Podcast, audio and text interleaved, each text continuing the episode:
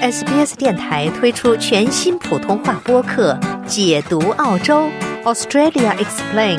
在这里，你可以轻松欢快的了解有关澳洲的有趣知识。从法律角度看待社会现象，以专家意见指点生活迷津。请听现场说法。现场说法，您了解法律、咨询问题的空间。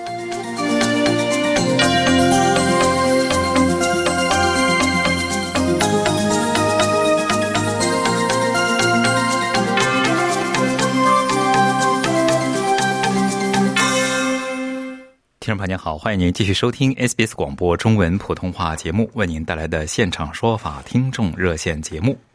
那我们看到呢，四月二十七号星期四的时候呢，内政部长奥尼尔呢发布了一份长达一百八十六页的移民审查报告，呼吁改革移民系统，其中包括简化签证类别、提高雇主担保工资水平和改变打分系统等等。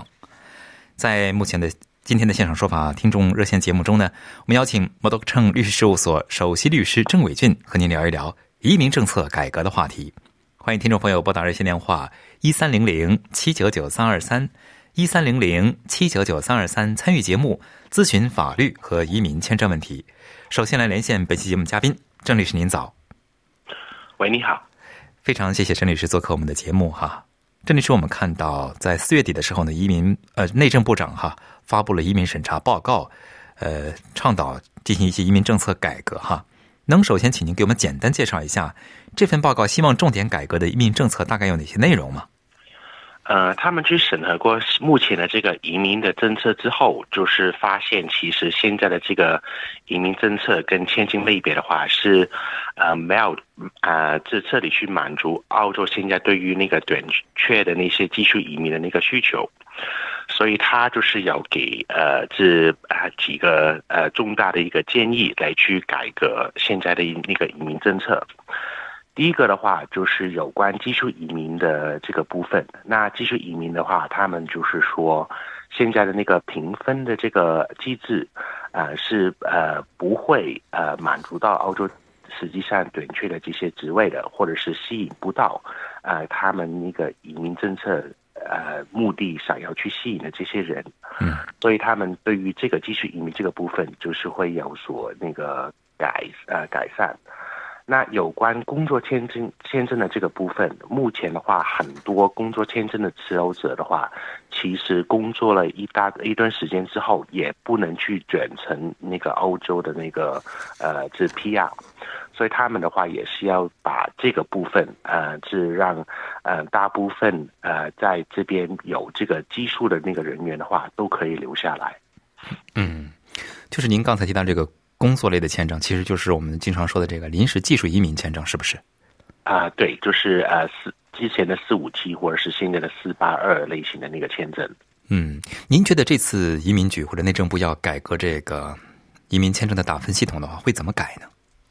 呃，他们应该就是会呃，这有两种方法了。一个方法的话，就是把现在的这个签证类别的话，可能会改善，就是呃，从这把旧的那些签证把它取消，然后就是呃，引进一个新呃，完全是新的一个类别，或者是说现在呃，之前有的那个签证类别的话，他们会改那个。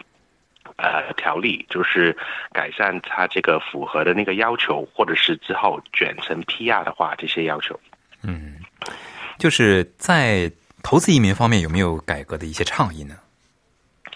呃，目前他这他们一直都是有说过要去改善那个投资移民。呃，那这个政策的话也是要点到，可是具体他们要怎么改的话也没说。可是投资移民这个部分的话，也是有很大部分的话都是啊按照那个呃各自的那个州呃跟他们的那个州政府这个提名的要求来去定的。那之前的话，这移民局的那个基本要求的话，其实是蛮容易去符合的。可是呃，那呃，这每一个州。啊，他州政府他们就按照自己的那个需求来去把那个门槛提高，呃，吸引到他们自己想要吸引到自己的那个州那边住的那些投资移民者。嗯，在您看来哈，就是这次政府倡导的改革，如果是改革之后，澳洲的这个移民纳入量会不会大幅提升呢？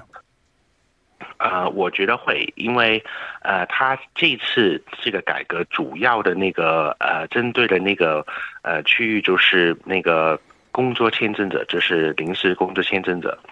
目前来说的话，如果你呃，这现在工作签证的话，要分开两个职位的那个名单，一个是短缺，这个是一个是高高短缺的位置。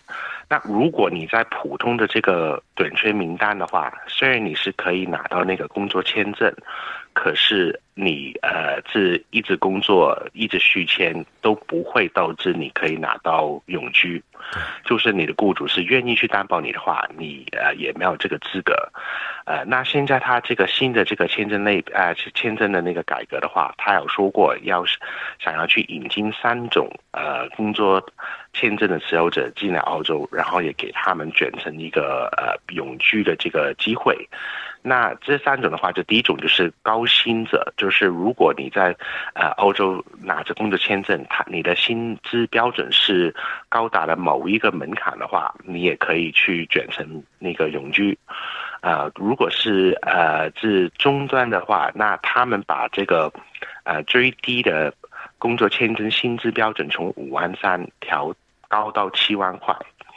然后第三的话，就是针对某一些行业的话，如果你是呃符合呃或者是在呃担任某一些职位的话，他们觉得这个职位在澳洲现在的话是短缺的话，那这个也是可以卷成一个永居的一个机会。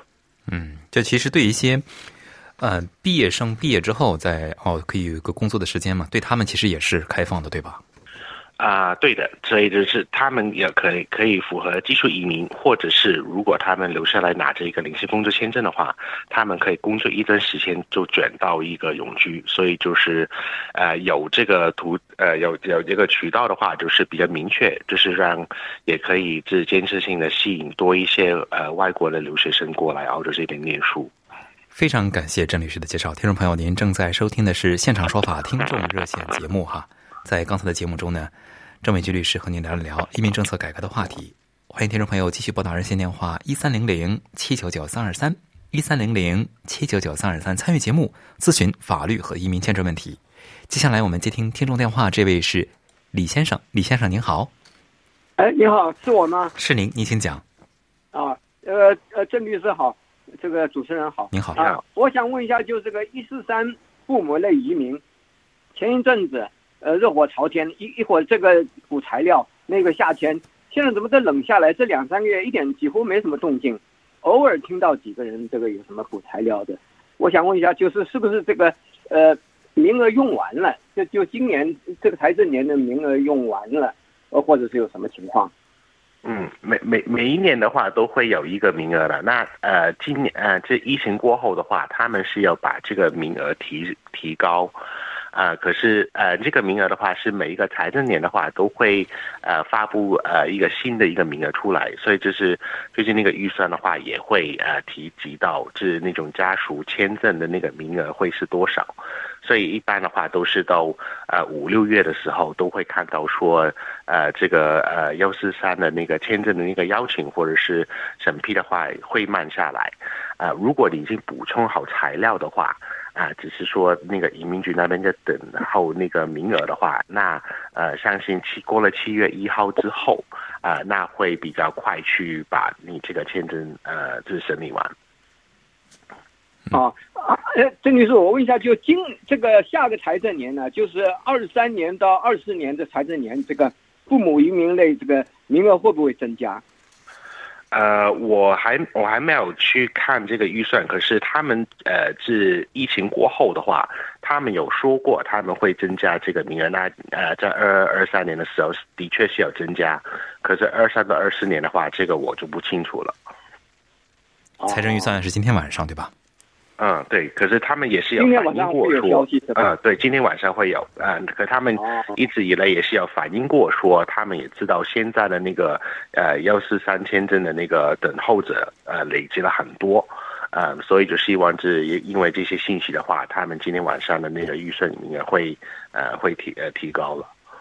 哦，因为因为这个听说这个一七年五六月份就有八千人申请这个这个呃一四三父母移民。那这个一年的名额也就六千五，那就是下个年度的这个名额就不够这个五五六月份的这个父母移民的这个。对，他们是呃，这就是要排着队嘛，所以每一年的话，他们就会看，就是比较批准几个呃，这幺四三的那个签证，那就是所以现在的话，大概是排到呃四呃大概五呃四五年前左右，至一一一八年左呃一八年递交申请的，所以大概是等候现在等候时间大概是五年，嗯，所以就对啊，这如果呃是今天晚上的那个名额提提升的话，那可能可以是呃。省到一八年年底或者是一九年递交的那些申请者。哦，那不是现在好像只剩到一七年的五月份呢？现在只是要求一七年五月份递交，就这么快会到一八年吗？好像不会的。嗯嗯，这个我就不清楚，因为我们有一些申请人的话，也是一八年申请的，就是也也是有被邀请的，所以应该是有到一八年的了。哦，目前我们目前还没听到有一八年的，真有一八年的吗？呃，有的，有的，我。哦，好的，好的，好，那我供您参考，李先生。好，谢谢您咨询，祝您顺利。听众朋友，欢迎您继续拨打热线电话一三零零七九九三二三一三零零七九九三二三参与节目咨询法律和移民签证问题。接下来继续接听听众电话，这位是 Lisa，Lisa 您好。哎，你好啊，呃，你好，郑律师。啊，想麻烦您问一下，就最近出的新闻，就是新西兰的公民可以申请加，七月一号以后可以申请加入澳大利亚公民，但是他网上写他要有一个叫 Aust 呃要 on subclass triple four special category 这个 visa，这个 visa 是怎么拿到的？呃，这个签证的话是自动拿的，就是如果你是呃持有新西兰的护照的话。你一旦呃进来澳洲的话，它就自动给你批发这个 S C V 四四四的签证，所以这个是自动拿的，是不需要特别申请的。那么就是说，假如我是要申请公民的时候，他让我他会让我提供这个 visa 吗？那我也没有看到过这个 visa 呀。啊，不用的。这如果你是嗯，这你向移民局去申请你这个呃出入境记录的话。啊，那就是可以证明你在澳洲的居住的那个时间，然后在这个呃，在这个出入境的那个记录里面的话，你会看到它就是有批，就是你进来澳洲的话，就是呃持有这个四四四签证的。那么就是我申请这个 citizenship 的时候，那他我还要去移民局申请一个我的出入境记录吗？啊，对。有的话，那这个你填表格也是需要的，啊。哦，那到移民局申请这出入境记录，这个是怎么样一个程序啊？就是我自己在网上可以申请吗？还是说怎么样？啊，可以的，是你去网上啊，然后是你去移民移民局的那个那个网站，有一份表格填的，那你填完那个表格发过去的话，啊，就可以就可以申请得到，他就会呃发邮件给你。呃，这个是免费的吗？免费的，对，是你只需要填填自己的个人资料，然后把那个啊护照上传上去的话，他就会发发过去给你。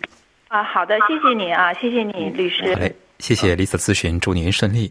听众朋友，热线电话依然是一三零零七九九三二三一三零零七九九三二三，欢迎您拨打来咨询法律和移民签证问题。接下来这位听众是廖先生，廖先生您好。哎，你好，你好，您请讲。哎，那个律师好，呃，我想问一下，那个我现在持有那个八七零，那么如果申请这个幺四三的话，那么会不会影响呢？有什么受不受影响呢？啊，这个八七零的话是临时可以在澳洲这，在澳洲这边居住。那如果你是要申请幺四三的话，除非你是呃，除非你的那个年纪是过了他那个门槛，不然的话你是需要在境外那边申请的。不是，我现在呢就是持有八七零，但是呢我已经递交了幺四三的申请。啊，那就不，那那就没，但那就没关系的，这是他们那就没关系了是吧？对，那你还是一呃一人排着队的，对。哦哦哦哦。那么另外一个问题呢，我想问一下呢，就是说，那个申请那个八六四和幺四三这两个这个审批有什么区别呢？啊，幺四三的话，就是呃，你必须是在境外呃境外申请的，啊，那八六三的话，或者是八六四的话，是可以在境内申请，那就等于最大的那个差别就是，如果你是符合八六四的那个要求的话，你在境内申请是可以拿到这个过桥签证的。那现在这个审批时间是嗯啊是很久了，可是如果你是在境内可以等候这个呃结果的话，其实也。对于于你来说的差是可能影响不会说太大，可是现在有一现现在有一种说法呢，就是说，呃，八六四的审批呢就是更慢，呃，这个幺四三呢反而会快一点。对，因为八六四的话，因为你是在境内申请，所以就是你已经在是享受呃是澳洲的居住的那个呃那个时间了，所以它的那个审批时间的话，的确是会比幺四三要久。哦哦哦哦哦哦。啊，是这样的，啊啊啊，那我知道了。那个，我还想那个看看电台能不能这个利用你们的影响，这个呼吁一下，就是这个父母的签证，父母现在在澳洲属于直系亲属，那直系亲属为什么这个申请又要交费又要排队呢？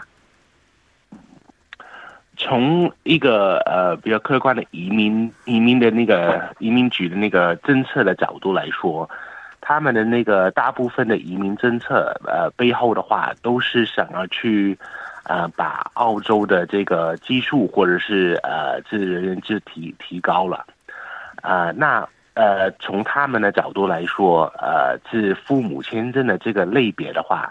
因为大部分的申请人都是年长，或者是已经过了那个最佳的那个工作的那个年纪，所以他们是呃，这也不是说不想呃不想要去吸引这些父母亲进来了，只是说他们的这对于这个审批的这个呃时间也好，或者是条件也好的话，都是会比呃比较就相对来说比较刻薄了，呃，因为他们会觉得说从一个经济的角度是没有那个贡献的。不是，这你这你就和这个其他国家就就就相差太远嘛。嗯，你像新西兰也好，加拿大也好，美国也好，那那那个那那个父母的签证比这个这个澳澳洲要要要宽松很多嘛。你像美国的话，如果你是公民的话，你就直接申请就行了。对，确实每个国家的移民局有自己的这个自由对呀，你要效仿，就是你不是效仿美国的吗？那么廖先生，这个希希望你也持续关注我们的节目哈，谢谢您咨询，祝您顺利。接下来我们接听下面一位听众电话，这位是 Peter，Peter 您好。哎，早，早，您早。好，我想问郑律师，就说呢，呃，如果在一个房子的周围安装那些摄像录 camera、video camera，这样子的话，它不可避免可能会录到一些。行人或者街道上的一些行人或者邻居，我就想问，这样子会不会侵犯人家的隐私？这样子会不会产生造成一些法律的后果？说人家被人家说起诉啊，说我侵犯了人家的隐私。嗯，就这问题。嗯，呃，如果呃光是装这个摄像头的话啊，那就是。主要是看这个摄像头是对着哪里，然后会不会录音。如果是会录音的话，那这个呃，一般来说，呃，如果是很轻易的录到呃是邻居啊，或者是呃路人的话，呃，这个是不允许的。所以大部分的那些录像的话，都是不会录音的。那如果是呃，假如说是那个影像的话。如果你这个摄像头是照着你自己的那个呃是土地的那个区域的话，这个是允许的。可是我会建议你在门口之类的放一个告示牌，就是说你这个房子是有那个 CCTV 的。呃，如果你那个摄像头是对着大马路，那这个也是公共地方也是可以的，或者是行人路之类的。如果你那个摄像头是对着邻居。啊，这那个房子，啊，那就是要看呃是照着什么，呃，一般就会呃是尽量去调整到呃你这个摄像头只会照到自己的那个土地的那个区域而已。那如果比如说你是照从那个正正门照出去到大马路，然后看也会有一点点对方马路的那个邻居的那个房子的话，这个是允许的。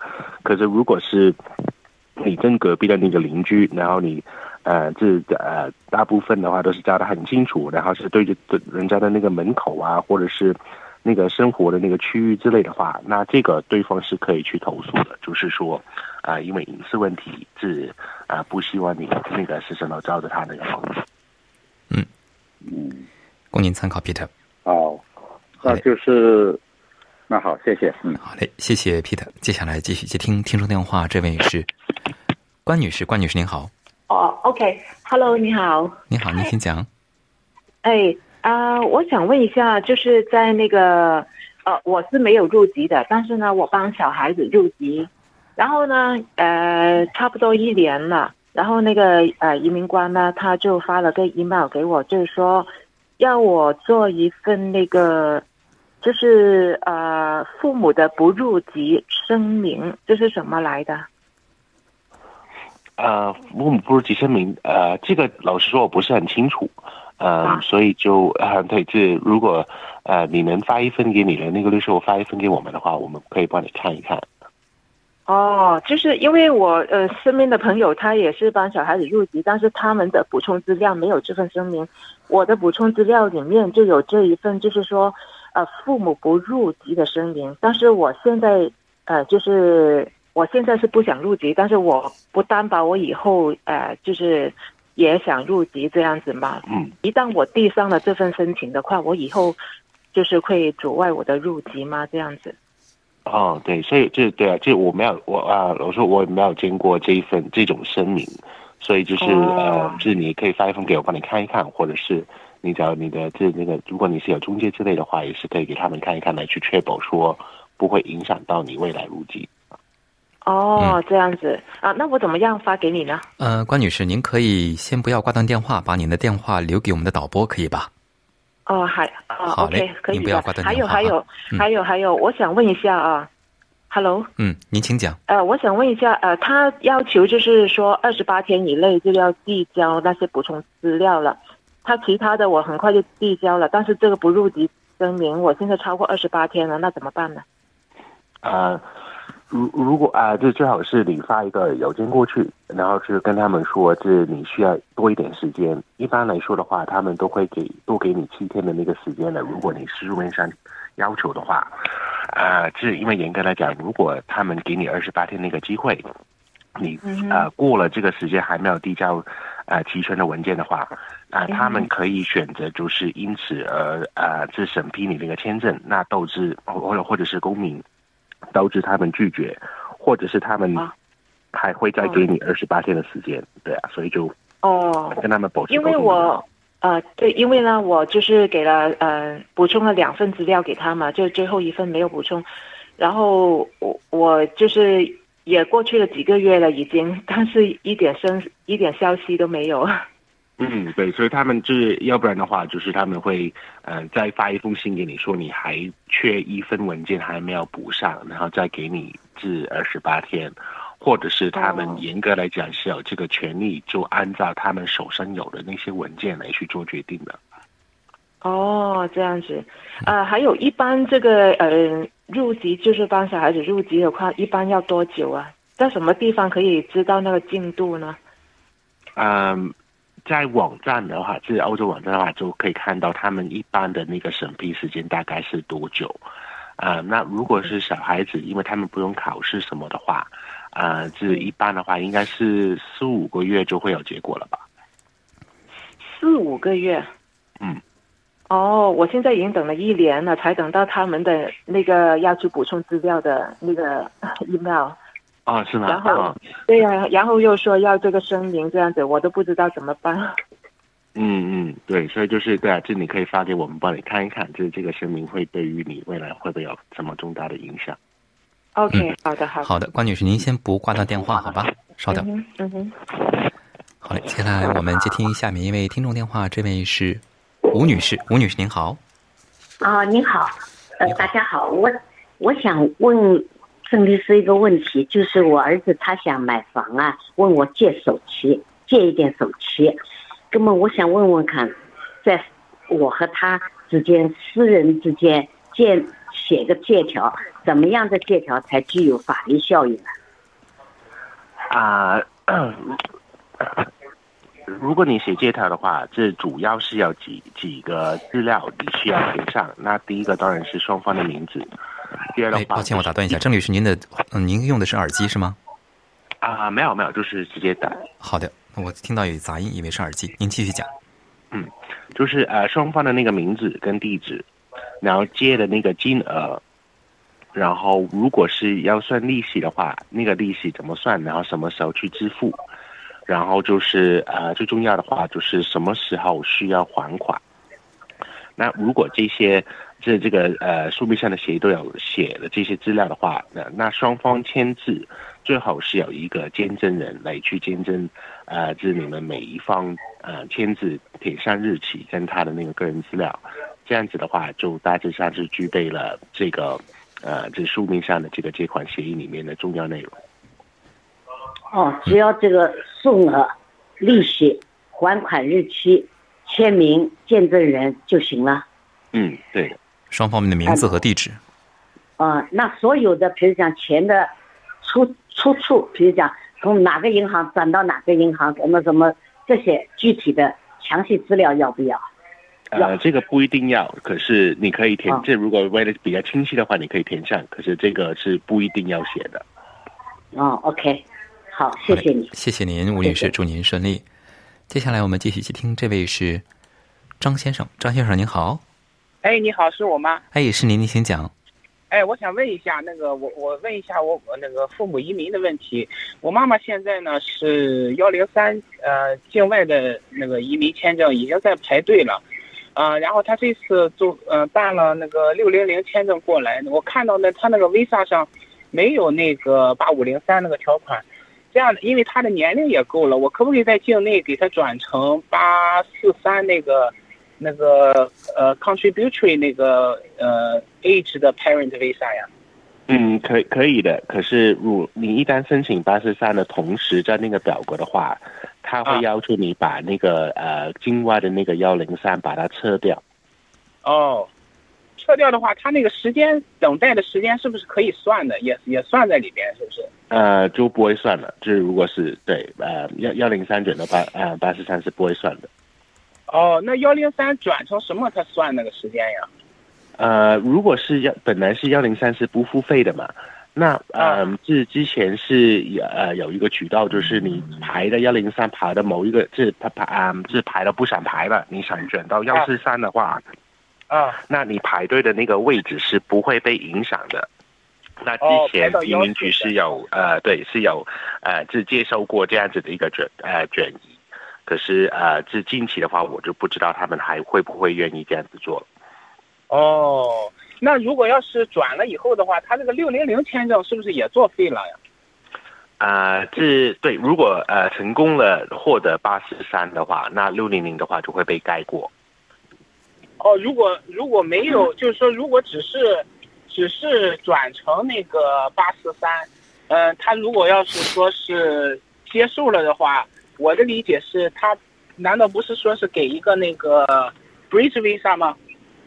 对，可是那个 bridging visa 的话，是等等到你的六零零过期了之后才会自动生效。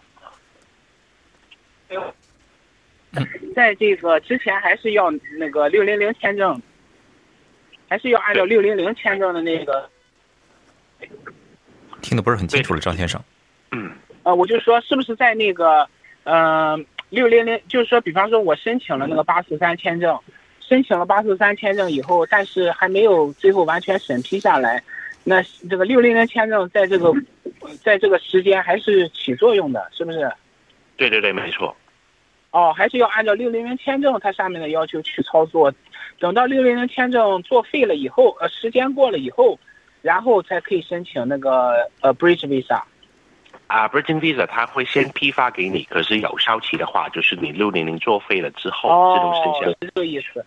哦，这样的话，如果要是那个 Bridge Visa 签下来以后，那它可以，就是说是啊，比方说六零零签证要求他必须在这儿待一年，呃，就要走。那么如果 Bridge Visa 签下来以后，是不是就可以，呃，不要按照那个六零零签证的要求来操，就可以一直待在这个地方，是不是这个意思？啊，对对，如果是那个 Bridging Visa，它的那它就不会有这么的一个条件的。所以由于时间关系，哦今天就不得不打断两位了。非常感谢听众朋友们打入电话的支持，也非常感谢郑伟军律师对我们节目的支持。因个人情况因人而异，法律问题复杂，本节目仅供一般性参考，并无意提供任何个案法律建议。具体法律纠纷，请您咨询专业的律师。喜欢、分享、评论，欢迎您在 Facebook 上关注 SBS 普通话页面。